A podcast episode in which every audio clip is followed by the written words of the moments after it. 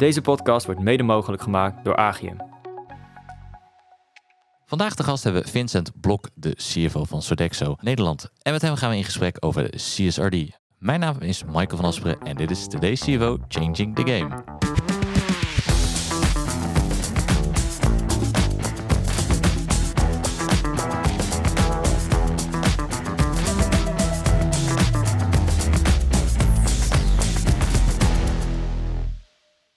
Vincent, welkom. Leuk dat je er bent. Ja, dankjewel uh, Michael. Superleuk om hier vandaag te zijn.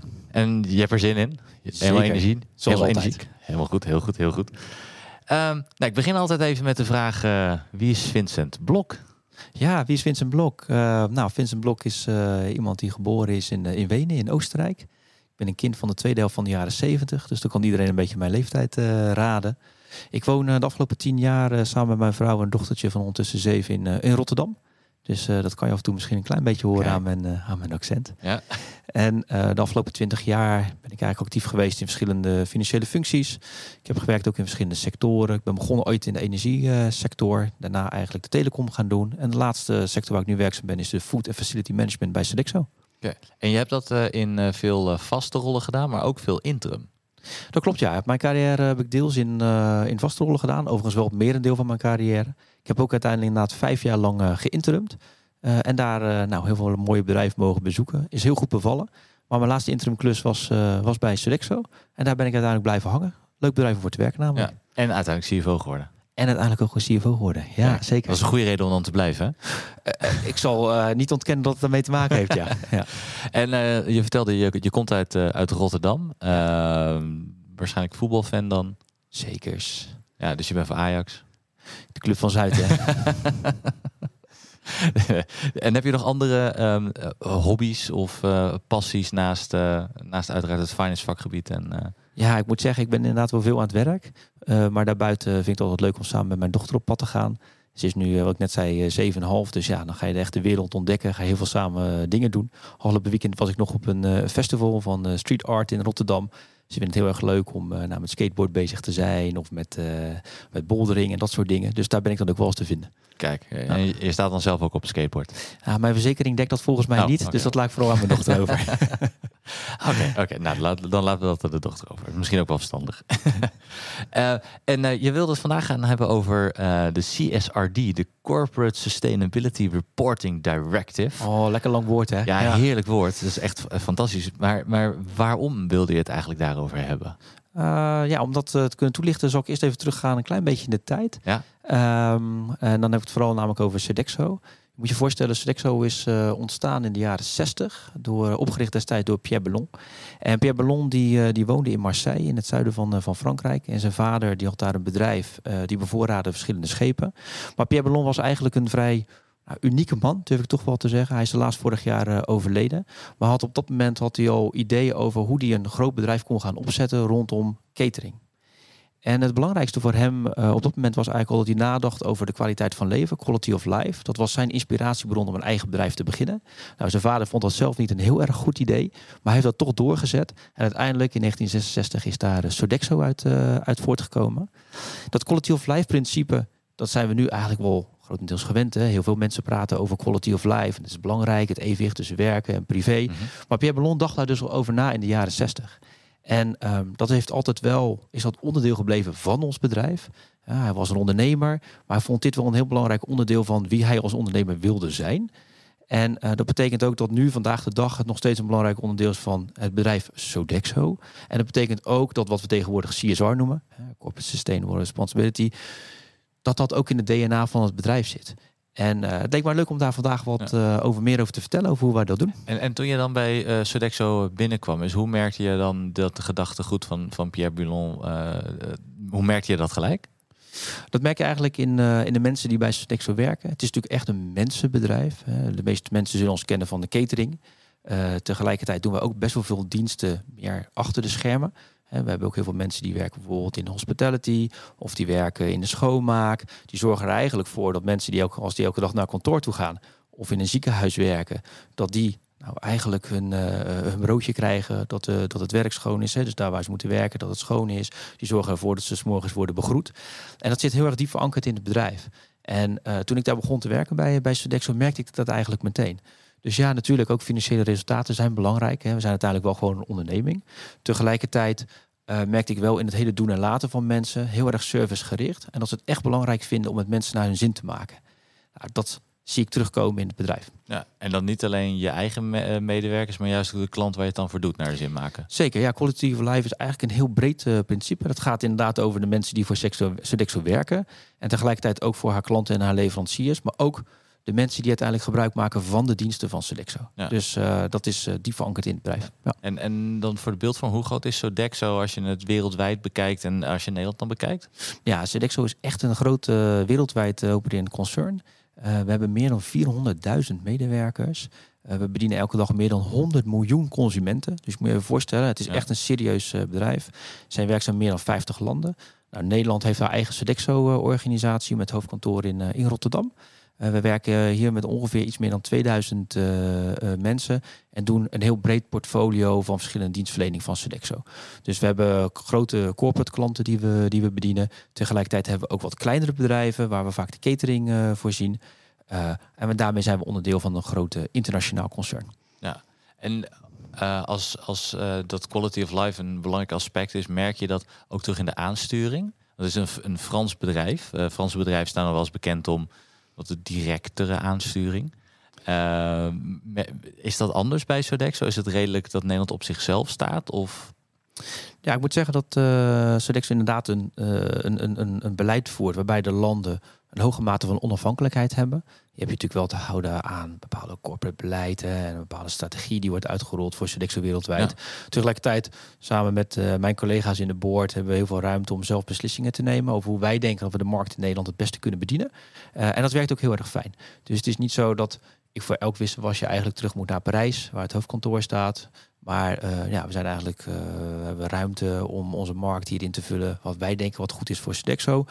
Maar wel binnen het kader wat natuurlijk het grote bedrijf ervoor heeft gesteld. Dat is duidelijk. Ja, ja. ja. en, en, en, dan geef je aan dat de, uh, de reden waarom je over de CSRD wil, wil hebben, is het, zit, het is iets ook wat vanuit het bedrijf al in, in de kern uh, zit. Ja. Um, was je dan want het is een directive die nu vanuit Europa wordt, uh, wordt ingesteld samen met, uh, met, een aantal andere initiatieven. Uh, ja. Vooral ook om duurzaamheid, um, het, sociale aspect, het, het, het, sociale aspect van bedrijven. God, wat is het woord er ook weer voor? Ja, social. Ja, social, social. Ja, ja. social, ja. Uh, geen antwoord voor. Uh, uh, in, in, in banen te, te, leiden. Hoe gaan jullie daar nu als, als Nederlandse organisatie dan mee om, om dat ook te verankeren in? Want dat lijkt me nog best wel een uitdaging. Dat is zeker een hele grote uitdaging. Kijk, ik denk dat Sodexo ook in Nederland daar een hele belangrijke keuze in heeft gemaakt door CSR onderdeel te maken van haar strategie. En dat zorgt ervoor dat eigenlijk iedereen ervan af weet dat het een belangrijk onderdeel is van wie we willen zijn als bedrijf in Nederland. En daarmee veranker je het eigenlijk gewoon in je bedrijfsmodel. Wij hebben aangegeven dat we graag leidend willen zijn als het gaat over sustainability, over duurzaamheid uh, wereldwijd. Mm -hmm. En daarmee laten we terugkomen in onze strategie. Maar nog belangrijker, ook in de uitvoering van onze strategie zie ik het eigenlijk gewoon dagelijks terugkomen. Dus dat betekent dat we bijvoorbeeld meenemen de proposities naar onze klanten. Het betekent dat we met leveranciers uh, uh, daarover spreken, over hun impact daarop. En dat leidt uiteindelijk ook allemaal wel weer terug tot CSRD. Uh, namelijk uiteindelijk zullen we erover moeten gaan rapporteren. Het is wat je al zegt, vanuit de Europese Commissie is daar, is daar regelgeving voor opgesteld. En daarmee is het ook een compliance thema. Maar eigenlijk nog veel belangrijker vind ik het dat we het hebben opgenomen in onze strategie. en dat we van daaruit eigenlijk tot nu aan het uitvoeren zijn. En als je het opneemt in je strategie, heeft het ook een voordeel dat je het verbindt eigenlijk met je financiële doelstellingen. En dat je er ook zelf een doelstelling aan koppelt. Want je kan wel zeggen als bedrijf, ja, we willen bezig zijn met CSR. Maar als je daar geen doelstelling aan koppelt, ja, dan is het eigenlijk relatief waardeloos. Dan wordt het toch vaak een initiatief van of finance in de zin van, oh, we moeten erover gaan rapporteren. Of een CSR-afdeling die initiatieven ontplooit. Maar daarmee gaat het, wordt het niet echt onderdeel van wie je bent als bedrijf. En daarmee denk ik ook dat je veel minder effectief bent in de uitvoering van CSR. Uh, Sodexo heeft dat bijvoorbeeld gedaan door een hele duidelijke doelstelling te zetten op het uh, net zero emission uh, doelstelling. Mm -hmm. Dus in 2040 willen we net zero emission hebben bereikt. En daaronder zijn een aantal initiatieven weggezet die we ook in Nederland doen, die ertoe moeten leiden dat we dat doel ook gaan bereiken. dus dan moet je bijvoorbeeld denken dat we inderdaad met leveranciers in gesprek zijn over waar zij hun diensten vandaan halen. Denk dan vooral eigenlijk over ingrediënten voor onze catering. Dus dat je bijvoorbeeld ontbossing eh, tegengaat, dat is Mhm. een belangrijk eh, initiatief. Eh, dan hebben we het natuurlijk over dat je in gesprek gaat met onze klanten. Hoe kunnen we de dienstverlening naar onze klant en naar de eindgebruiker nou meer sustainable maken? Betekent ook dat we met onze eigen organisatie aan de slag moeten gaan. Dus onze chefs die bijvoorbeeld dagelijks voor onze, voor onze klanten koken, zullen toch een andere menucyclus moeten gaan volgen. Dus ze gaan andere ja, diensten gaan ze gewoon maken. Dus we krijgen gewoon ander eten. Dus dat heeft een, eh, heeft een bepaalde impact. Maar je moet ook gewoon gaan meten. Hè, dus hoeveel CO2-uitstoot heeft nu eigenlijk, eh, eigenlijk bijvoorbeeld een bepaald gerecht? Nou, dat zijn we nu ook aan het testen, aan het uitproberen als bedrijf. En uiteindelijk hè, moet je erover gaan rapporteren. Dus het is ook wel belangrijk dat je bepaalde data hebt... op basis waarvan je dan kunt gaan rapporteren. Maar even terug, dus, dus jullie willen zometeen zover kunnen gaan dat je per maaltijd eigenlijk kan zien wat de CO2-footprint ervan is. Ja, en dat, eh, dat zullen wij ook wel moeten. Want eh CSRD, zoals de meeste luisteraars zullen weten, hebben we een aantal scope. Hè? En scope 3 gaat eigenlijk over de indirecte impact die je hebt als bedrijf op de CO2-uitstoot. In het geval van Sodexo is dat 99% Dus moet je even realiseren. Hè? Dus 99% van de totale uitstoot waar Sodexo dan verantwoordelijk voor is, zit in scope 3. Nou, dat betekent ook automatisch dat je dus met je klanten en met je leveranciers om tafel moet gaan.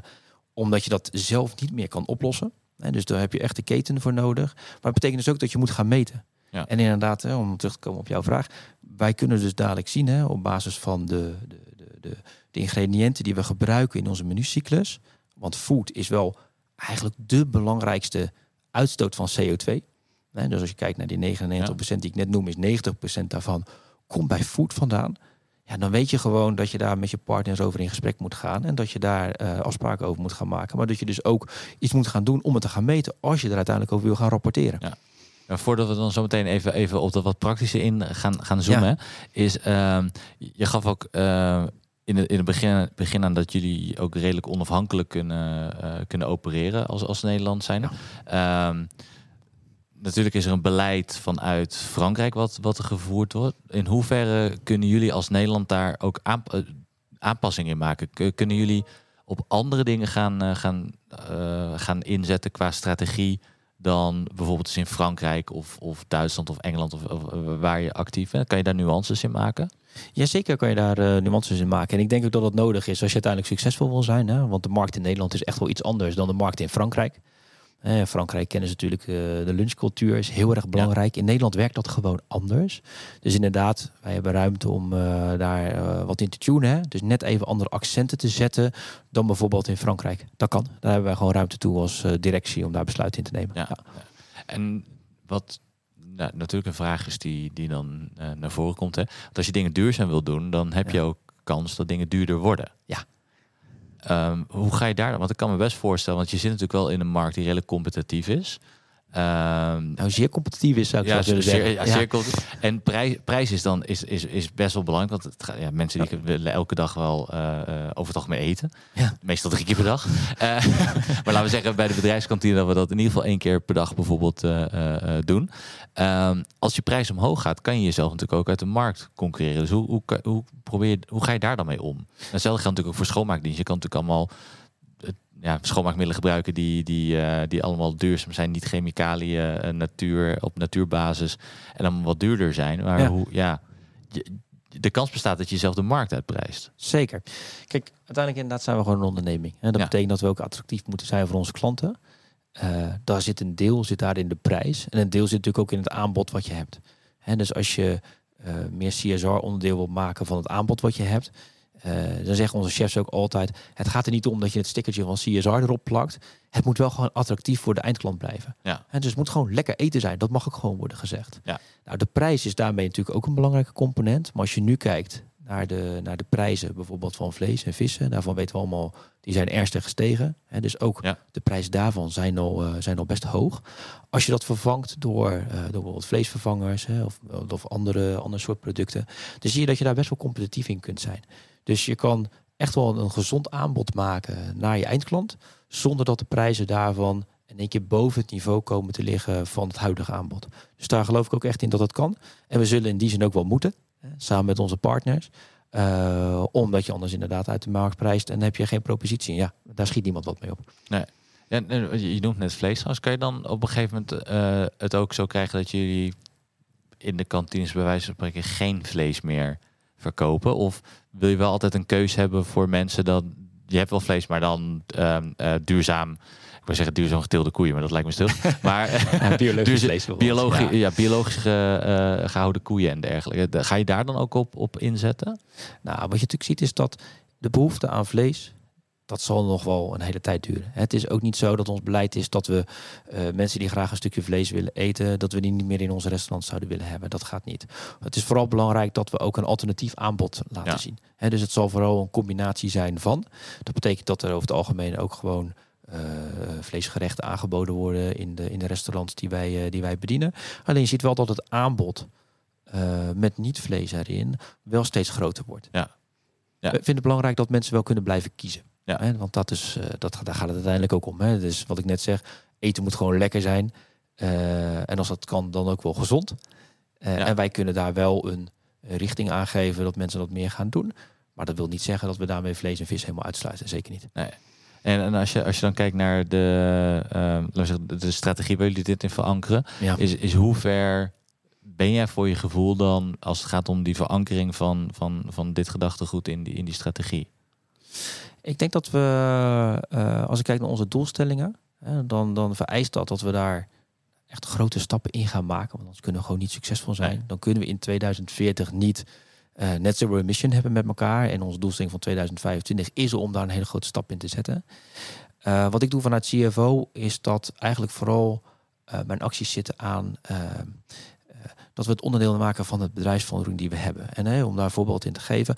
Krijg regelmatig krijg ik tenders langs van klanten eh, die geïnteresseerd zijn in onze dienstverlening. Door gewoon als CFO daar vragen over te stellen van en in hoeverre ziet dan bijvoorbeeld een menu- menucyclus eruit? Wat is daarvan vegetarisch? Hoeveel eh vleesaandeel zit daarin? Eh, heb je met de klant gesproken over CSR? Dus heb je bijvoorbeeld Ja. gesproken over voedselverspilling, hoe we dat kunnen tegengaan? Daar hebben we echt hele goede eh, instrumenten voor om dat te doen. Daarmee zorg je er eigenlijk voor dat het in de organisatie ook veel meer gaat leven. En uiteindelijk wordt het daarmee ook onderdeel van het bedrijf. Als aan mij vraagt, weet je, waar sta je dan in nu op die meetlat? Hè, tussen 0 en 100 vind ik dat heel erg moeilijk om, eh, om in te schatten. Ik denk dat we wel goed op weg zijn om onze doelstellingen te behalen. Maar tegelijkertijd is er ook nog wel een hele lange weg te gaan. Er zijn immers ook gewoon nog heel veel klanten eh, nou, die, die, die toch nog andere keuzes maken dan de keuzes die wij op dit moment maken. En daar zal Ja. nog veel aan moeten gebeuren om ook die uiteindelijk eh, mee te nemen in deze reis. Ja, nou is een van je belangrijke doelstellingen is dat net zero in 2040. Ja. Heb je nog andere doelstellingen daar ook aan, aan hangen? Nou, eigenlijk is net zero is een beetje de, is het, eh, is het hoofddoel. Hè? Dat Ja. past ook heel mooi bij, eh, bij CSRD. Hè? Dat gaat juist om ook om die net zero emission eh, voor elkaar te krijgen. En een aantal afgeleiden die we daarvan hebben is bijvoorbeeld om de voedselverspilling ernstig tegen te gaan. Ja. Gisteren was dat nog in het nieuws dat in de, in de horeca in Nederland er weliswaar minder wordt verspild ten opzichte van 2019, maar nog steeds gaat er meer dan 50 miljoen kilo per jaar gewoon de vuilnisbak in. En dat kost zo 650 miljoen euro. Ja. Eh, dat betekent ook wel hè, dat we daar nog een hele lange weg te gaan hebben, ook om dat tegen te gaan. Nou, hè, wij hebben daar oplossingen voor als bedrijf. Eh, en is ook een belangrijk onderdeel. Hè. Dus reductie van waste is gewoon, een, eh, is gewoon een onderdeel van waar we voor willen staan. Tegelijkertijd zie je inderdaad bewustwordingen. Dus het meten van de CO2-uitstoot. Gewoon laten zien aan mensen. Zoveel CO2-uitstoot zit er in dit broodje of in deze maaltijd. Zorgt natuurlijk ook voor dat mensen wat bewuster gaan zijn van hetgeen wat ze, eh, wat ze eten. Dus dat is ook een, ook een, een doelstelling. En last but not least, ja, we willen gewoon tot een minimum aanbod komen van producten die minder vlees en vis bevatten. Eh, en daar hebben we ook gewoon percentages op zitten waar we op een gegeven moment naartoe willen gaan, eh, gaan ontwikkelen. Dus overal is het net zero emission. Daaronder heb je een aantal drivers, hè, om Ja. even in financiële termen te blijven, die ertoe moeten leiden om eh, dat die doelstelling uiteindelijk ook te bereiken. Ja, en dan, dan krijg je natuurlijk het, eh, het lastige, want het meest makkelijk is natuurlijk maken van je strategie. Ja. dat is natuurlijk een eitje. Ja. maar, maar, maar dan ga je, ja, je, moet, je, moet, je moet het op een gegeven moment gaan monitoren. Ja. Ehm, en waar volgens mij veel bedrijven, en ben ik ook benieuwd hoe, hoe jullie daar eh, mee zitten, de, de, de grootste uitdaging mee hebben, is ja, hoe zorg je er nou voor dat je over al die dingen goed kan rapporteren? Ja. Eh, want je hebt natuurlijk je interne data, nou, je interne financiële data, die zal bij jullie ongetwijfeld goed zitten. Daar ga ik wel vanuit. Ja. ga- ja, daar- dat, dat, zit, dat zit goed. Maar je krijgt nou non-financiële data die je, er, die je er tegenover moet gaan, eh, eh, gaan zetten. En je krijgt je scope 3, Ja. waar je ook nog eens. Dus hoe, eh, Ja, hoe pak je dat aan? Hele goede vraag. Ja, ik moet je eerlijk zeggen, dat is ook best ingewikkeld. Hè? Want wat ik net al vertel, zijn toch wel aan die indicatoren waar je eigenlijk wil gaan meten. Ja. En je ziet eigenlijk dat we nu nog wel op een, in een omgeving zijn waar nog niet alles al helemaal uitgekristalliseerd is. Hè, dus we zijn nog bezig om te kijken naar wat is nou bijvoorbeeld de juiste meting van zo'n CO2-uitstoot. Er zijn verschillende oplossingen voor in de markt. Dus je ziet dat wij als bedrijf ook echt nog wel eh, aan het onderzoeken zijn wat daar dan eigenlijk ook het beste bij is eh, om dat uiteindelijk te doen. Eh, ik denk ook dat het een hele grote uitdaging is, hè, want uiteindelijk moeten we erover gaan rapporteren, moet er ook een bepaalde mate van assurance over worden gegeven. Nou, ik denk vanuit de CFO-rol en vanuit de finance-functie dat, dat we daar een hele belangrijke leidende rol in kunnen nemen. we zijn immers als finance hebben we wel vaak een heel goed overzicht over wat er allemaal speelt in het bedrijf. Daarnaast zijn we gewoon gewend om in processen te denken en assurance te geven over financials. Dus onze uitdaging zit hem ook vooral in hoe gaan we dat doen voor deze data die eigenlijk non-financieel zijn. En de, uh, daar zijn we op dit moment mee bezig. Om te kijken met bedrijven, met partners, hoe we dat voor elkaar kunnen gaan krijgen. Zodat we ook klaar zijn dadelijk om erover eh, te kunnen gaan rapporteren. Maar en, misschien het meest makkelijk is dan je, je interne data ook je interne non-financiële data. Ja. Ehm, hoe, hoe, hoe, pak je dat op dit moment uh, aan en waar ligt, die waar ligt sowieso die verantwoording van de rapportage hierover? Hm. Ja, kijk, als je natuurlijk kijkt naar de CSRD-reporting uiteindelijk, hè, er komt een uh, eindverslag. Ja. En dat is in mijn zin eigenlijk niets anders dan ook een financieel jaarverslag. Ja. En dat betekent dat de CFO in die zin zeg maar verantwoordelijk is voor wat daar in dat verslag komt te staan. En dat er een bepaalde mate van assurance kan over kan worden gegeven door de auditor. Ja, dus het eindproduct van CSRD zeg ik, dat is typisch iets wat bij finance komt te liggen. Ja, dus de rapportage van de financiële en de niet-financiële data komt bij finance te liggen. Ja. ja Dus alleen de weg er naartoe ja. om die data daarin te krijgen, daar zijn natuurlijk wel meerdere partijen bij betrokken. Dat kan je, dat is net zoals in het financiële jaarverslag. Dat doe je ook niet alleen als finance. Uiteindelijk heb je daar de business voor nodig of je suppliers voor nodig. Dus meerdere partijen hebben daar een rol in. En als ik daar naar kijk, als ik denk over CSRD, weet je, zijn er een aantal partijen binnen Stexo die daar een belangrijke positie in aannemen. Denk bijvoorbeeld aan de, de suppliers, hè, de supply chain. Ja. Je zal toch met je leveranciers om tafel moeten gaan zitten. En ook die zullen data moeten gaan aanleveren rondom eh, die, die van, ja, van belang zijn voor CSRD. Je zal met je business om tafel moeten gaan zitten. En daarmee ook met je klanten. dus onze dienstverlening uh, vindt heel vaak plaats, of eigenlijk bijna alleen maar plaats direct bij klanten. Vandaar dat die scope 3 bij ons op 99% staat. Dus als je die niet meeneemt, ja, ga je eigenlijk niks zinvols rapporteren in je CSRD. Um, ehm, je zal ook uh, je, je CSR-afdeling mee moeten nemen. Daar komen natuurlijk vaak de initiatieven vandaan. Mm dus de goede initiatieven voor de executie uiteindelijk van je, van je strategie. En als men het liefst natuurlijk gewoon finance zelf. He, zorgen dat je een, eh, een kader schetst, dat je duidelijke processen krijgt waarin je de data verzamelt. Uh, waarin je uh, nou, controlling gaat doen op je data, zodat uiteindelijk wat in je rapport komt te staan ook gewoon klopt. Maar het belangrijkste vind ik eigenlijk dat je, en dat zou ook mijn oproep zijn hier aan mijn, uh, mijn collega's, dat je bemoei je er nou vooral lekker mee al nu. Afgezien van wat gewoon leuk is. Hè, uh, is het denk ik ook heel erg belangrijk. Hè? Want ik zie onze rol niet alleen maar op het gebied van zorgen dat er een mooi en uh, assurance rapport komt te liggen van CSRD. Dat is het eindproduct. Maar het begint eigenlijk gewoon met de strategie, met de uitvoering daarvan. En als CFO ben je volgens mij mede verantwoordelijk voor de executie van je strategie. Dus zet vooral daarop in. En dan het rapport, dat volgt dan vanzelf al. Mm -hmm. Kan je je voorstellen dat er, dat er bedrijven zijn waar de CSRD niet zozeer in de strategie zit? Nou, ik kan me dat eigenlijk heel moeilijk voorstellen omdat uh, het is Europese wetgeving. Dus uh, vanuit de compliance standpunt zou je daaraan moeten gaan voldoen. Daar zijn natuurlijk wel uitzonderingen voor. En niet elk bedrijf valt onder de CSRD-richtlijn. Maar ik heb dan even over de bedrijven die daar wel onder vallen. Dus ik kan me eigenlijk niet voorstellen dat er nu nog bedrijven zijn die dat niet meenemen in hun strategie. Uh, tenminste, daar gewoon over moeten gaan rapporteren op uh, Maar die zien het misschien als een compliance issue en niet als een strategie issue. Terwijl jij zegt, maak dit onderdeel van, van je, strategie. strategie ja. Kijk, als je natuurlijk compliant wil zijn uiteindelijk, betekent het ook wel dat je uh, de weg naar compliance betekent ook dat je daarvoor al betrokken moet zijn. Je kan moeilijk compliant zijn als je eigenlijk helemaal niet betrokken bent bij het voortraject. Nou, als je betrokken wilt zijn bij het voortraject en je vindt het belangrijk als organisatie, dan moet je het ook onderdeel maken van je strategie. Ik las daar pas nog een uh, leuk artikel over in de, Harvard Business Review. Die zeiden dat eigenlijk ook. En er zijn best wel veel bedrijven, zeker in het verleden, die gingen iets doen met CSR. Uh, maar stelde daar bijvoorbeeld geen doelstellingen uh, aan vast. Die vankerden dat niet in hun strategie. En wat je dan eigenlijk ziet is dat de meeste van die bedrijven Uh, doen het dan vooral om hun reputatie uh, Ja. uh, te beschermen. doen Window het om, uh, ja, window dressing. Hè, doen het om compliance redenen. Hè, dat vinden ze dan belangrijk. Of voor reporting purposes. Maar heel effectief uiteindelijk zijn ze daarmee dus niet.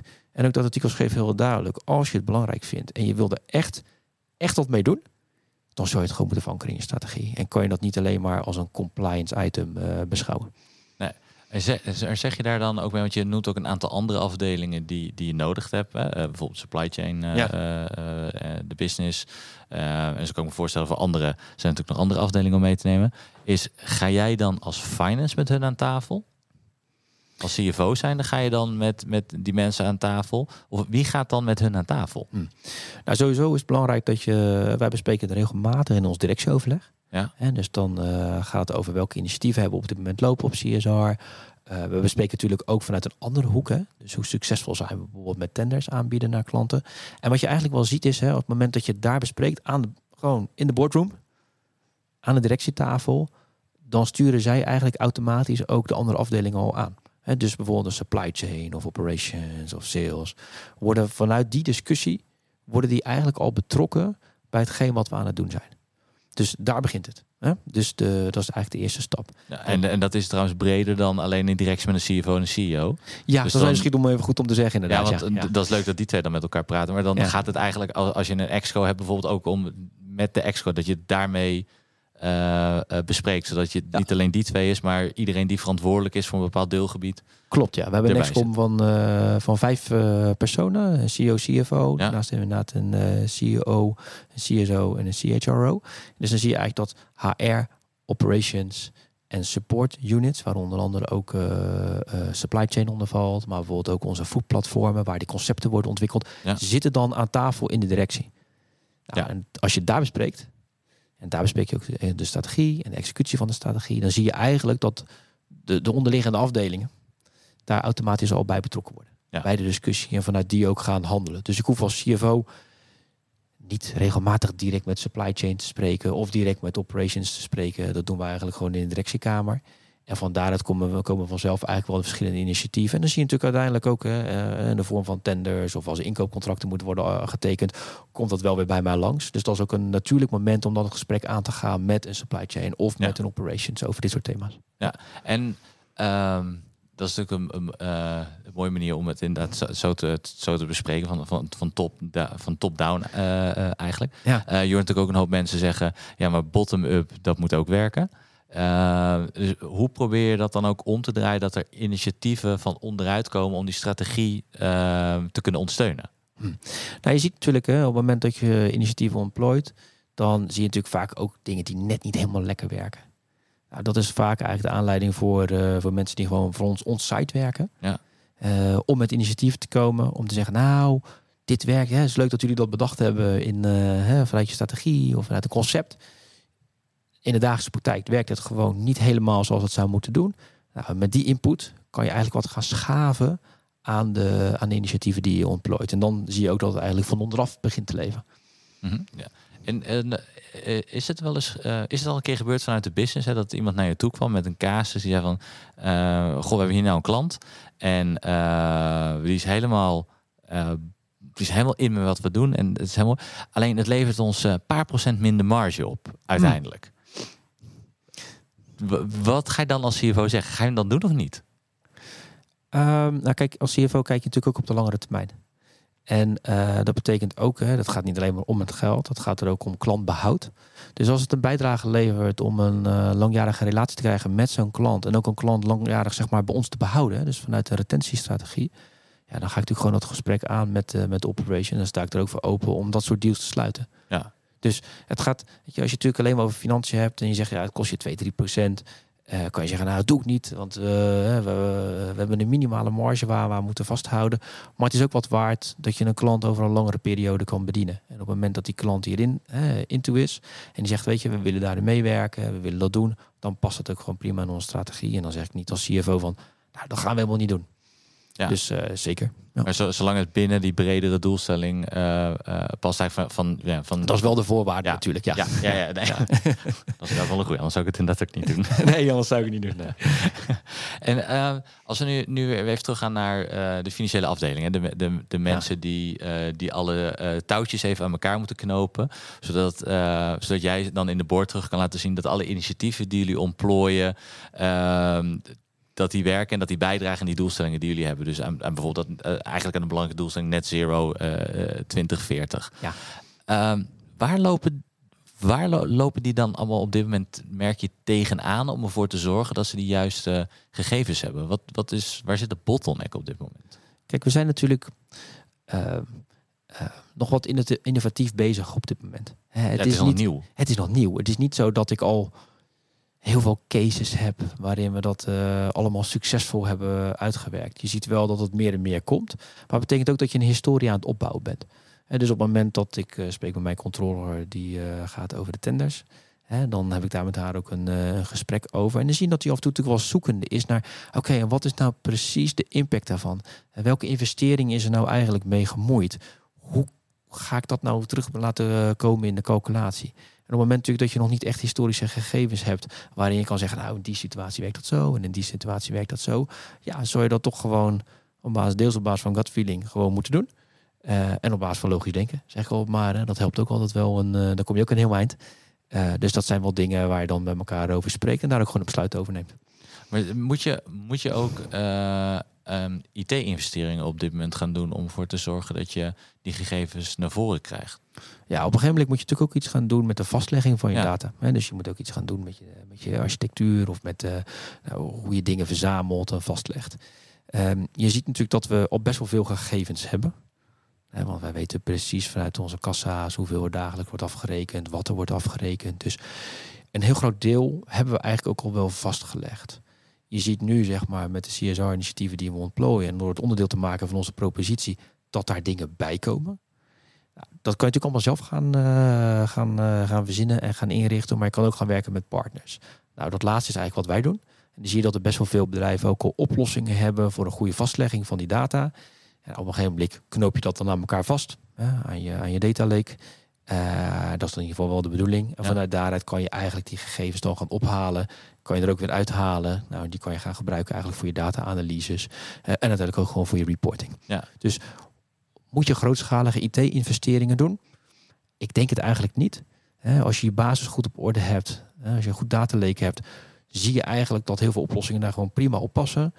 Eh, ik zou wel adviseren om veel met partners te werken. Want het is gewoon te kostbaar om alles zelf te gaan ontwikkelen. Ja, tenzij je natuurlijk een groot bedrijf bent waarin dat allemaal kan. Ja. Ja, maar hier in Nederland hebben we onze eigen oplossingen. Eh betekent ook gewoon dat je eh, eh, door met partners te werken, voorkom je gewoon een hoop investering. En, en het is niet dat je vanuit Frankrijk één centraal systeem krijgt opgelegd van gebruik dit. Oh, daar dromen we allemaal van, hè? Dat er eh, één groot centraal systeem is waar, eh, waar alles in dat, eh, dat in ligt eraan. staan. Sommige mensen dromen daar niet van. Die willen het juist niet op een centraal systeem. Die willen lekker Nee. een eigen systeem hebben. Nee. Maar wat je natuurlijk ziet is ook in dit geval hè, dat vanuit het hoofdkantoor komen natuurlijk wel bepaalde partners naar voren toe waarvan ze zeggen, joh, daar moet je dat eigenlijk mee gaan samenwerken. Dus dat zie je wel gebeuren. Op dit moment is er nog geen sprake van dat er een centraal datasysteem is waarin we dat allemaal gaan verzamelen. Daar is nog geen sprake van op dit moment. Nee, dus is ook, en dat past ook in die zin wel in de in uh, waar Sodexo voor staat. Hè? Want je vroeg er net, hoe onafhankelijk zijn eigenlijk de landen? Nou, weet je, die zijn vrij onafhankelijk. Dus ook over dit soort zaken mogen wij gewoon meebeslissen en daar de juiste keuzes in maken wat gewoon past voor het land. Ja, ja oké. Okay. En, en uh, je, je hebt nog niet een platform die je op dit moment kan aanraden voor mensen van goh, kijk daar eens naar. Uh, nee, heb ik op dit moment nog niet. Nee, we hebben wel een mooi datalake uh, nu neergezet. Dus dat zal voor ons de basis zijn om dit soort stromen ook op uh, te gaan aansluiten uiteindelijk. Ja. ja. En in hoeverre accepteer je nou zometeen uh, dat er een, een, kans bestaat dat hetgene waar je over rapporteert nog niet klopt? Want nou, het is natuurlijk allemaal nieuw. Ja, het is allemaal nieuw. Ja, dat betekent ook dat we met onze externe auditor daar in een vroegtijdig stadium mogelijk over in gesprek moeten gaan. Dat doen we ook. En daarmee probeer je natuurlijk dat risico te verkleinen. Dat je straks wat gaat rapporteren wat niet, uh, wat niet klopt. Dus praat er vooral over ook met je externe auditor, zou ik zeggen. Eh, en uiteindelijk is dat niet acceptabel. Want uiteindelijk moet je daarover rapporteren. Het is een compliance item. En dus moet het gewoon goed zijn. Ja, alleen de, de, de kans dat iets first time right is, is, is, is, is niet heel groot. Je, je, er gaan dingen ehm, natuurlijk niet helemaal kloppen. Er zal ergens een foutmarge zitten. Omdat, omdat ja, alles Zeker. wat nieuw is, dat moet je nog uitzien te vinden. Kijk, het risico erop dat dingen niet goed gaan is natuurlijk groter. Ja. Maar in het voortraject ga je daar natuurlijk al wel maatregelen op nemen om dat risico zo klein mogelijk te Ja. maken. Kan je het uitsluiten? Je kan het nooit helemaal uitsluiten, maar je kan het risico wel zo klein mogelijk maken. Maar hoe grote foutmarge zou je accepteren? Oh, dat vind ik heel moeilijk om te beantwoorden. Kijk, uiteindelijk gaat het erom dat, eh, dat de auditor er een, eh, een assurance over geeft. En eh, als die er een assurance over geeft, is het goed. Geeft hij er geen assurance over, is je foutmarge te groot geweest. Weet je? En dat wil je niet als eh, dat wil je gewoon niet als bedrijf. Dat kan je gewoon niet eh, veroorloven. Dus ik ga ervan uit dat we gewoon assurance gaan krijgen Ja. over die reporting. Ja, want voor die auditor zit natuurlijk ook nog een risico in. Als hij een assurance geeft en het klopt niet helemaal achteraf, dan krijgt hij ook weer een tik op zijn vingers. Ja, maar dat heeft hij nu ook al op het moment dat hij de financial statements moet, eh moet dat auditen. klopt. Dus Maar in dat die is zin is dus- dat niet heel anders. Nee, dat Ja. klopt. Maar dat is natuurlijk wel wat makkelijker, want dat zijn ze al gewend. Want ik kan me ook wel voorstellen dat het voor veel accountskantoren ook echt nog een uitdaging is om dit goed te kunnen, te kunnen doen. Dat ze zelf ook nog niet allemaal weten. Nou, dat zou je zelf moeten vragen aan de, aan de auditkantoren, hoe ze daar tegenaan eh, kijken. Kijk, je ziet natuurlijk ook wel dat het voor hun nieuw, eh, nieuw is. Hè, die wetgeving die beweegt ook af en toe nog wel eens een beetje. Ja. Hè, dus je ziet ook, het is nog niet helemaal vastgelegd hoe het er allemaal precies moet komen uit te zien. Hè. Dit is nog deels in, eh, deels in beweging. Dus ik kan me voorstellen dat het inderdaad ook voor de auditbedrijven een uitdaging is om hier uiteindelijk assurance over te gaan eh, geven. En tegelijkertijd, daar werken ook heel veel, eh, heel, veel, heel veel goede mensen, zeg ik altijd maar. Dus ik heb er ook wel vertrouwen in dat zij klaar zullen zijn dadelijk om, eh, om met mij het gesprek aan te kunnen gaan over de CSRD-reporting. Ja, ja. En wa- waar ligt voor jou nou de grootste uitdaging eh, als het gaat om die verzamelen van die gegevens? Waar zit, waar, ja, waar, waar zit die, die uitdaging? Is dat intern, extern? En kijk, uiteindelijk is het vooral operationele data ook, hè, wat je aan het verzamelen Mhm. bent. En eh, we weten allemaal dat operationele data is vaak heeft gewoon een andere assurance dan financiële data. Ja. Dus mijn allergrootste uitdaging zit hem erin. Hoe zorgen we ervoor dat die data juist en betrouwbaar is? Daar zit mijn allergrootste uitdaging in. Ja. En hoe zorg je ervoor? Nou, weet je, dat, daar zorg je voor door de juiste partnerkeuzes te maken. Ja. Met die partners daar meteen over in gesprek te gaan op het moment dat je die keuze wilt gaan maken. Dus dat je geen eh, verrassingen achteraf krijgt over, eh, oh nee, dat wisten we niet helemaal hoe dat in elkaar zat. Eh, en daarmee ook hiervoor geldt weer, hè, dus door een vroegtijdig stadium erbij betrokken te zijn, kan je dat risico zo klein mogelijk te maken. Sluit je het helemaal uit? Dat niet, maar ook hiervoor geldt. Maak het zo klein mogelijk. En met partners dan bedoel je eh, consultants, dan wel softwarepartijen, adviseurs. Externe soort, eh, partijen ook externe inderdaad. partijen. Hè? Dus die eh, de oplossingen aanbieden in de markt om bijvoorbeeld te meten hoeveel eh, CO2 een bepaalde maaltijd uitstoot. Er zijn Ja. gewoon partijen voor in de markt die dat, die dat doen. Maar er zijn ook partijen in de markt die ons helpen bijvoorbeeld om eh, eh, ehm, eh, maaltijden te gaan, te gaan maken hè, met Carbono Zero heet dat bij ons. Hè, dus dat betekent de uitstoot... Car- Carbono, ja, Carbono Zero, mooie naam. is Carbono. Zero. Ja, Dat- dus dat zijn bepaalde maaltijden die we aanbieden. Die eigenlijk als doelstelling hebben een zo laag mogelijke CO2-uitstoot Ja, eh, met zich mee te ja. brengen. Daar zijn partijen voor die, eh, die ons daarbij helpen om dat te realiseren.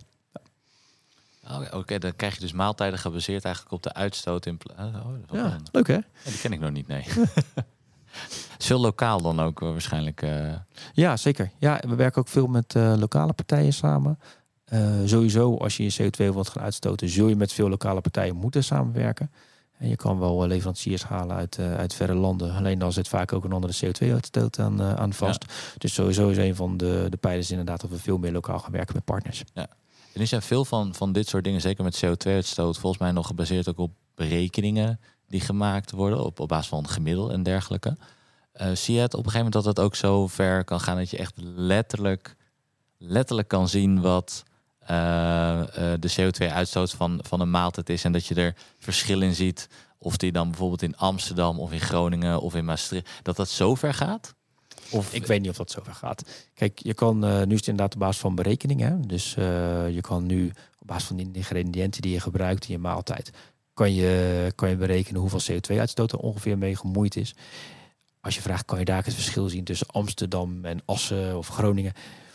Ik denk dat dat nog eerder voor de toekomst is. Laten we gewoon eens beginnen met de basis. Ja. Dan zetten we eigenlijk al een hele grote stap. Maar je ziet wel een mogelijkheid om, om daar in, eh, eh, laten we zeggen, het nog preciezer te kunnen gaan meten en weten. Ja, goed, op een gegeven moment weet je natuurlijk waar je ingrediënten vandaan komen. Ja. Precies weet je waar ze zijn, eh, zijn geteeld.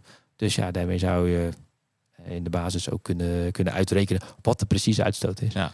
Zou, zou, dat, zou, dat, zou dat iets zijn wat, wat goed is om te doen? Of is het een beetje eh, hetzelfde als bijvoorbeeld een, jaar, een, eh, een maandafsluiting? Je kan er op een, op een gegeven moment nog vijf minuten tegenaan gooien en dan een, een uur eerder afsluiten. Voegt het dan nog wat toe? Zit, er, zit daar denk je ook op een gegeven moment nog een stoppen van tot wanneer het, het, het goed is om te weten? Nou, waar precies die grens ligt, dat weet ik niet. Maar ik geloof er wel in dat, uh, weet je, als je op een gegeven moment op dit soort fine-tuning gaat zitten, je kan je inderdaad wel afvragen wat daar nog de meerwaarde van is. Kijk, het grootste deel van de meerwaarde nu is dat we er gewoon eens mee beginnen met elkaar. Ja. Daar zet je een enorme stap voorwaarts mee. En uh, ik denk dat daar ook alle aandacht naartoe zou moeten gaan op dit moment. In plaats van nu al na te denken over de fine-tuning tot de laatste, uh, nou, punten, zoveel uh, decimalen achter de komma, zeg maar, om het goed te krijgen. Ja. Ja, het is, natuurlijk, het is inderdaad dat, uh, goed om dat bedrijf een ambitie uitspreken waar ze naartoe willen gaan in de komende jaren. Goed dat je dan kan meten van uh, waar sta je nu en waar wil je naartoe en welke stappen maak je. Um, zou je. Zou je angstig zijn dat er partijen uh, zijn in de wereld die de eerste rapportages die bedrijven gaan naar buiten gaan brengen, gaan gebruiken als een stok om mee te slaan? Dat een soort afrekentool gaat uh, worden.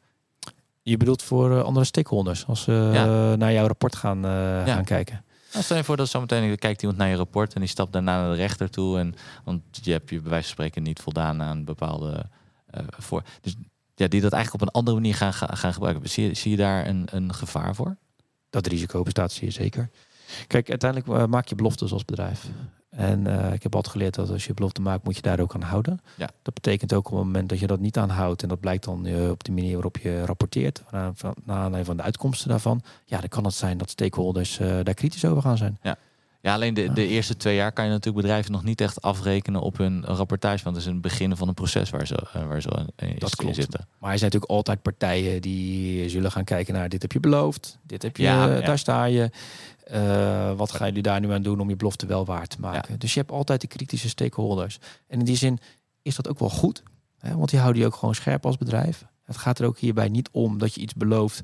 Hè, zoals er in het verleden toch wel eens vaker is gebeurd. Wat je uiteindelijk niet weet waar te maken. Dus in die zin zie ik het eigenlijk ook eerder als een, uh, als een kans. Ja. Door te zeggen van oké, okay, dat, soort men, dat soort partijen hou je ook scherp om er maximaal op in te zetten en je doelstellingen te gaan proberen te realiseren.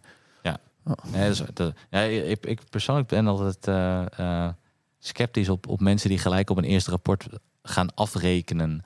Uh, om dan zeggen, ja, jullie hebben een te grote CO2-uitstoot, jullie zijn fout. Terwijl je gewoon naar het verhaal moet kijken van waar willen ze naartoe. En dan de komende jaren, hoe vordert, hoe, hoe, ja, hoe vordert die ontwikkeling zich, zich eigenlijk maar. Ja, weet je, Misschien mijn persoonlijke...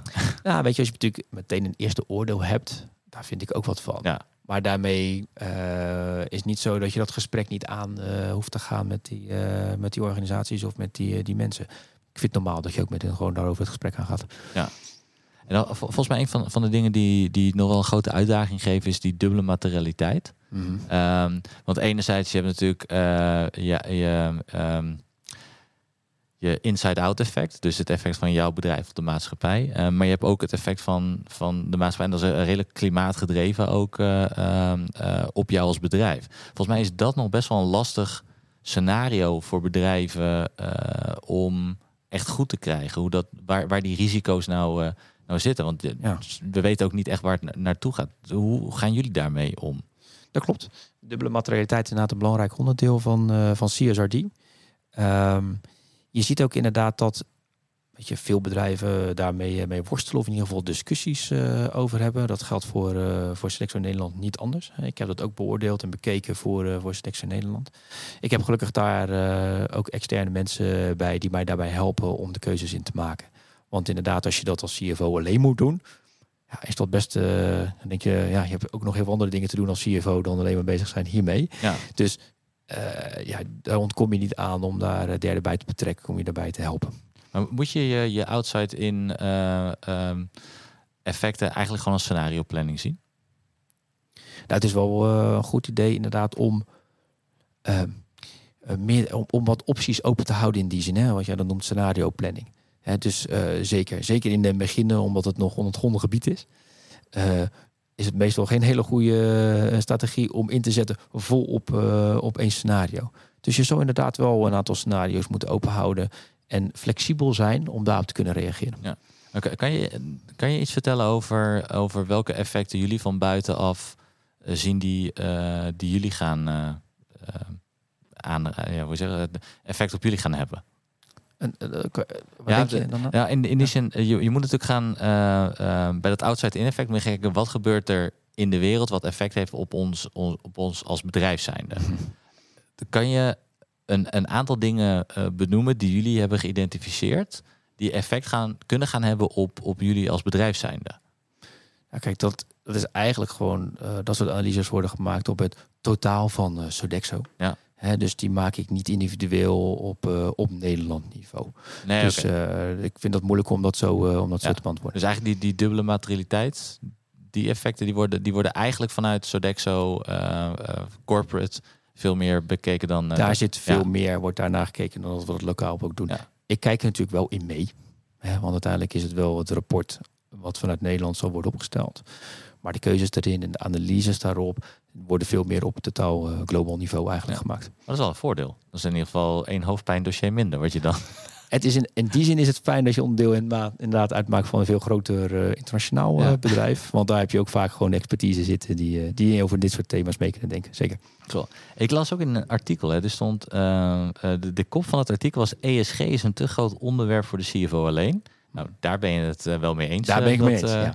dat, dat bleek al. En die stelde ook, de grootste uitdaging zit erin, en daarmee deed hij ook een oproep aan finance, hoe we zaken anders gaan waarderen dan in euro's. Hm. zodat we niet in de valkuil stappen dat als we het niet kunnen waarderen in euro's, dat er geen beweging is. En ik snap het heel erg. En toch vind ik hem heel erg moeilijk. Want hoe kan je nou bepaalde dingen niet waarderen in, in euro's? Ik vind, ik vind hem lastig. Um, kijk, dingen waarderen in euro's is natuurlijk het makkelijkste als je in de kassa staat en iemand rekent iets af. Dan heb je een waarde van het product wat je hebt verkocht of de service die je hebt verleend. Uh, ehm, CSR gaat natuurlijk ook over andere dingen dan alleen maar de waarde van een product. En uh, in die zin zeg maar begrijp ik wat hij daarmee bedoelt. Hè. Je, natuurlijk kan je CO2 gaan uitdrukken in een waarde in euro's. Alleen dat is veel minder tangible dan het product aan de kassa wat, je, wat je verkoopt. En daar zit natuurlijk ook wel een beetje de moeilijkheid. Ehm, bij andere elementen, bijvoorbeeld voedselverspilling, is dat weer makkelijker. je weet wat je hebt weggegooid, je weet wat de waarde daarvan is. En dus kan je dat uitdrukken in, uh, in euro's. Dus het zal ook wat uitmaken per ESG-thema. Zal dat wat moeilijker en wat makkelijker zijn. Maar ik ben in die zin er wel mee eens. Het gaat hier niet alleen maar om de euro's. het gaat hier uiteindelijk ook om het bedrijf en waar je als bedrijf naartoe gaat. En dat gaat verder dan alleen onderaan de streep wat je net de mhm. resultaat is. Ja. Maar heb, heb je een, een voorbeeld los van de CO2-uitstoot dan, die uh, je uit kan drukken, uh, die niet in euro's is? Wat is een van die andere dingen waar je dan nou ja, gaat sturen? De, de, de, de um, dat is een goede vraag. Moet ik heel even over nadenken. Ja, dat mag. Als ik even langsloop zeg maar, met initiatieven die wij op dit moment hebben, ehm, zie ik dat niet 1, 2, 3 terugkomen als het gaat over nou, weet je, rondom food, waar we, waar we naartoe willen gaan. De meeste dingen zijn eigenlijk vrij goed in euro's uit te drukken. Behalve dan inderdaad het, het zero-emissie uh, stuk. Ook al kan je daar ook nog rekenmodellen op loslaten over wat dat ongeveer, uh, wat dat ongeveer betekent. Maar ESG gaat natuurlijk ook verder. Zero die gaat verder dan alleen de CO2-uitstoot. het gaat ook over governance. Dus daar zit natuurlijk en social impact. Daar zou ik me eerder voorstellen dat er nog dingen in zitten die gewoon moeilijker uit te drukken zijn in, uh, in euro's. Dus ik zou het vooral daarin zoeken. En wat minder zeg maar in de elementen die ik net noemde. Dus daar, daar kan ik me voorstellen dat er wel gewoon dingen in zitten. Bijvoorbeeld over de verhouding in de boord tussen, uh, tussen man en vrouw. Weet je, nou dat is niet zomaar even in euro's uit te drukken wat de impact, uh, wat de impact daarvan is. En kijk je dan, omdat jullie natuurlijk ook een heel erg mensgedreven organisatie zijn. Want ja, je, hebt, je hebt mensen nodig die hetgene die de waarde toevoegen voor eigenlijk je, je klanten. Ja. Ehm, dat, je, um, dat je daar ook dan een grote impact kan maken die je niet zozeer in euro's uit kan drukken, maar wel in arbeidsparticipatie of mensen met een, met een eh, afstand tot de arbeidsmarkt die je Zeker. daarmee een kans geeft. Zit hem, zit hem daar dan vooral in? Ja, daar zit het ook in. Hè. Dus ik noemde net even het voorbeeld van de, van de, van de Ja, samenstelling ja. van, eh, hè, van, van bijvoorbeeld je boord. Maar het, terechtpunt inderdaad, hè, onderdeel daarvan is inderdaad ook de PSO-ladder bijvoorbeeld. Hè. Dus in die zin, hoeveel je mensen je eigenlijk met een afstand tot de arbeidsmarkt eh, nou, laat werken zeg maar, binnen, jouw, binnen jouw bedrijf. Dat is een heel ander aspect. Daar doen we als Dexo ook eh, van alles aan. Hè. Daar hebben we ook bepaalde waarderingen voor. Hebben we ook een bepaalde status bereikt. En daar zit hem dan inderdaad ook in dat je nou, ESG-achtige dingen doet. Hè, initiatieven ontplooit die je minder goed in euro's kan uitdrukken. Zeker. En, en die valt in principe eh, eigenlijk niet onder je paraplu van net zero in eh 2040. Nee. Maar is wel een belangrijke doelstelling. Als Het is onderdeel van- Het is een, Ja, het is onderdeel van het bedrijf en waarvoor we willen staan. ja, Maar het heeft niet een aparte pijler binnen onze, binnen onze strategie. Dat klopt. nee, nee. Zou, zou het hem dat misschien wel moeten geven? Of wordt het dan allemaal te... Want je kan ook op te veel dingen weer gaan focussen. Je moet uiteindelijk ook gewoon eh, prioriteiten stellen. Ja, en het, eh, de aspecten die ik net noemde, daar zit ook heel veel impact op. Ja, En ik, weet je, daarom maken we daar ook de keuze voor om daar vooral op in te zetten. Dat wil niet zeggen dat je andere dingen helemaal niet doet. Dus het voorbeeld wat jij net noemt, eh, Michael, weet je, dat is ook wat wij doen. Vinden we ook belangrijk. Alleen is het een strategische keuze? Nee, het is geen strategische keuze. En dat is eh, duurzaamheid op voedsel bereiken. Dat Ja. we daar koploper in willen worden. Is dat wel? ja omdat je daar de, de, de meeste directe impact eigenlijk kan maken op, eh, op de maatschappij. Zeker. Ja. Door hetgeen wat je. ja, het, het, het blijft wat dat ook wel. Ik blijf het een uitdagend onderwerp vinden, omdat het eh, soms nog best wel lastig is, toch om nog concreet te maken, ondanks dat alles er best wel snel aan zit, zit te komen. Ja, Veel mensen zitten daar nog mee te, te. Eh, als, je, als je nou nog tips zou mogen geven aan jouw eh, collega's met. lees dit, ga daarheen, bezoek. Wat, wat, wat, wat zijn nog tips die je mensen kan geven om ervoor te zorgen dat ze meer en meer en meer en meer te weten komen van hoe ze dit nou kunnen gaan verankeren in, eh, in hun organisatie. Nou, weet je wat belangrijk is? Wat ik zelf heb gedaan is, ik heb gewoon tijd voor genomen om me er echt in te verdiepen. En dat gaat dan verder dan alleen maar de, de CSRD-regelgeving. hè dat is compliance, dat is wetgeving. Eh, dat is goed dat je daarvan op de hoogte bent. Maar daar kan je ook goed door, eh, door externe door laten over informeren. Wat ik veel belangrijker vind is, wat ik heb gedaan, is dat ik gewoon met mensen in gesprek ben gegaan. Dat ik naar sites ben gegaan waar mensen van ons werken. Dat ik met klanten heb gesproken. Dat ik het een thema maak samen met mijn collega's aan de boordtafel. Daar begint het mee. Ja. Dus mijn tip aan iedereen die hiermee worstelt eh, of denkt van hm, het is een groot thema, waar moet ik nu beginnen? Want het is inderdaad wel een groot thema. Hè? Begin daarmee. Laat je goed informeren, maak het bespreekbaar. eh, bespreek het ook op verschillende niveaus. En dan ontstaat er vanzelf wel een beeld voor jezelf eh, waarvan je denkt, oké, ik begrijp dit thema en ik weet ook hoe ik daar als CFO invloed op uit kan oefenen en hoe ik daarmee omga. En waar zitten de risico's? Nou, dat heeft mij enorm geholpen, zeg maar, om dat beeld voor mijzelf scherper Ja. te krijgen. En met verschillende niveaus bedoel je dan ook echt niveaus in de organisatie? Ja. Juist. Ja. ja. Praat gewoon met verschillende mensen in de organisatie. En dat geeft ook verschillende beelden. En je kan natuurlijk alleen op directieniveau erover spreken, maar het is ook wel erg handig door gewoon met mensen op de werkvloer te spreken die er dagelijks gewoon mee te maken hebben. Die Ja. kennen de klant goed, die werken met de instrumenten die wij hun aanreiken om eh, nou, bijvoorbeeld rondom voedselverspilling. Eh, maar dan is het ook wel handig om hun feedback te horen, wat zij, hoe zij er tegenaan kijken en hoe zij denken dat hun klanten er tegenaan kijken. Nou, dat beeld samen zorgt ervoor dat de puzzel wordt gelegd. Want doe je dat dan? eh, want enerzijds, eh, je gaat die puzzel leggen en dan heb je zo meteen je strategie. Blijf je ook praten met mensen op verschillende afdelingen om dan te kijken, om een beetje gevoel te houden hoe die ontwikkelingen dan, dan gaan in die initiatieven? Ja, tuurlijk. Kijk, het is een, het is een levend onderwerp. Hè. Het is niet dat je één keer een kader zet en dat was het dan. Weet je, het is een ontwikkeling. Daar hadden we net ook al over Ja. gesproken met elkaar. Dus het is ook heel belangrijk om gedurende dat hele proces feeling te houden met de verschillende aspecten die dat met zich meebrengt. Zodat je uiteindelijk richting eh, de reporting kant nou, eigenlijk gewoon van tevoren alles al hebt doorlopen. En ook gewoon begrijpt wat er gebeurt in de organisatie. Kijk, er is niks mooiers als je uiteindelijk als je het rapport eh, presenteert, dat je ook kan vertellen over hoe het tot stand is gekomen, wat er echt achter zit. Ja. Dat is hetzelfde met een, eh, met een financieel jaarverslag. Je kan het rapport afdrukken of deponeren bij de KVK en zeggen, nou dat was het dan. Dit is de, dit is de oké. dit is de balans. Maar het is toch eigenlijk veel leuker om daarover te vertellen over wat de resultaten van het bedrijf zijn geweest. Hoe je daar bent gekomen, welke keuzes je hebt gemaakt. En dat zie ik eigenlijk ook onder CSRD-reporting hetzelfde. Het gaat mij niet om het eindrapport. Het gaat me veel meer over wat staat erin en welke keuzes hebben wij als bedrijf gemaakt om daar te komen. Dat vind ik veel belangrijker en ook veel leuker om mee bezig te Ja. zijn als CFO. Ja, ik vind dat wel gra- wel grappig dat in eh, een van de eerdere podcasts met Marieke Bonhoff van IJmeren, zij vertelde dat een van, eh, een van de twee wijze lessen die ze had geleerd van Gerrit Salm toen ze bij eh, was het economische zaken of financi- financiële zaken werkte, Ja. ehm, was dat eh, eh, Zalm zelf altijd ehm, de, de, de mensen met, met, met kennis van de issue wilde, wilde spreken. Ja. Dus eh, zij, zij zei op een gegeven moment, ja, ik mocht, eh, ik mocht mijn baas meenemen, ik mocht de secretaris-generaal meenemen, ik mocht iedereen meenemen. Maar hij wilde mij spreken, omdat ehm, ehm, hij dan direct feeling kreeg met degene die verstand had van het onderwerp. En dat heb je hier natuurlijk ook. Je kan, ja, we zeggen op een gegeven moment een baas supply chain eh, eh, spreken, terwijl Ja. iemand die in de supply chain zit, misschien een veel betere feeling heeft met wat er dan Die spreekt met de leverancier hè, uiteindelijk. Ja. En, die- en die, ja, die, die heeft een veel betere feeling dan, dan ja, bijvoorbeeld de directeur die eh, een leuk verhaal kan vertellen, maar misschien niet. Ja, je weet het niet, hè? He- helemaal zo, zo, zo, kunnen, zo kunnen kloppen. Dus met dit thema is het wel heel belangrijk om echt feeling te houden met iedereen die ook, ook echt met het product of met de klant of met de leverancier praat. Zeker. Kan ik me alleen maar bij aansluiten. Nou, dat zijn, eh, dat zijn- dat zijn mooie eh, afsluitende eh, woorden wat dat betreft.